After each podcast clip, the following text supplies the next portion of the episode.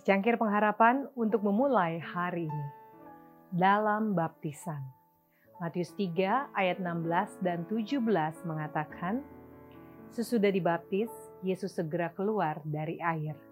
Dan pada waktu itu juga langit terbuka dan ia melihat roh Allah seperti burung merpati turun ke atasnya.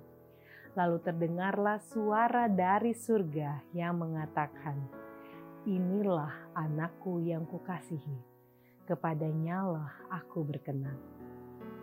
Yesus adalah teladan kita dalam segala hal yang berhubungan dengan hidup dan kesalehan. Ia dibaptiskan di sungai Yordan, sama seperti orang-orang yang datang kepadanya harus dibaptiskan.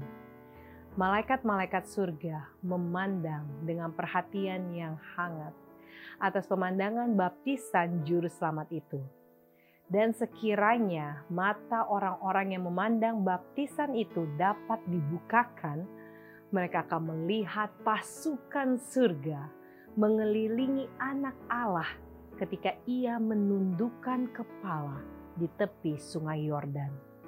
Tuhan telah berjanji untuk memberikan kepada Yohanes suatu tanda yang olehnya ia dapat mengenal siapakah Mesias itu. Maka sekarang ketika Yesus naik dari dalam air, tanda yang dijanjikan itu pun diberikan.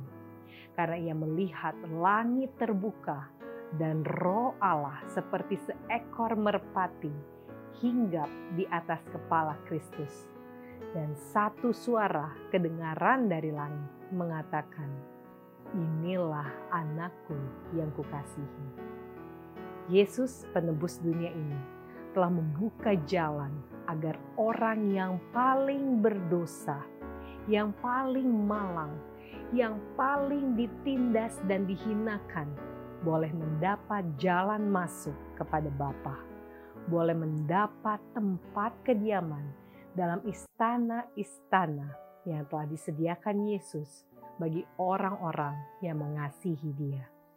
Orang-orang yang telah bangkit bersama dengan Kristus untuk berjalan dalam kehidupan baru adalah umat pilihan Allah.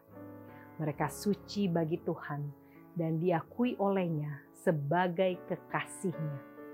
Dengan demikian, mereka berada di bawah perjanjian yang suci untuk menjadikan mereka terkenal oleh menunjukkan kerendahan hati.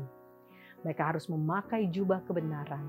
Mereka terpisah dari dunia, dari rohnya, dari kebiasaannya, dan mereka harus menyatakan bahwa mereka sedang belajar tentang Dia. Saudaraku yang kekasih dalam Kristus, jika mereka menyadari bahwa mereka telah mati dengan Kristus, kalau mereka memelihara sumpah baptisan mereka, dunia tidak akan berkuasa untuk menarik mereka ke samping untuk menyangkal Kristus. Kalau mereka menghidupkan kehidupan Kristus dalam dunia ini, mereka mengambil bagian dalam kodrat ilahi. Demikianlah renungan kita hari ini. Selalu mulai hari Anda dengan secangkir pengharapan.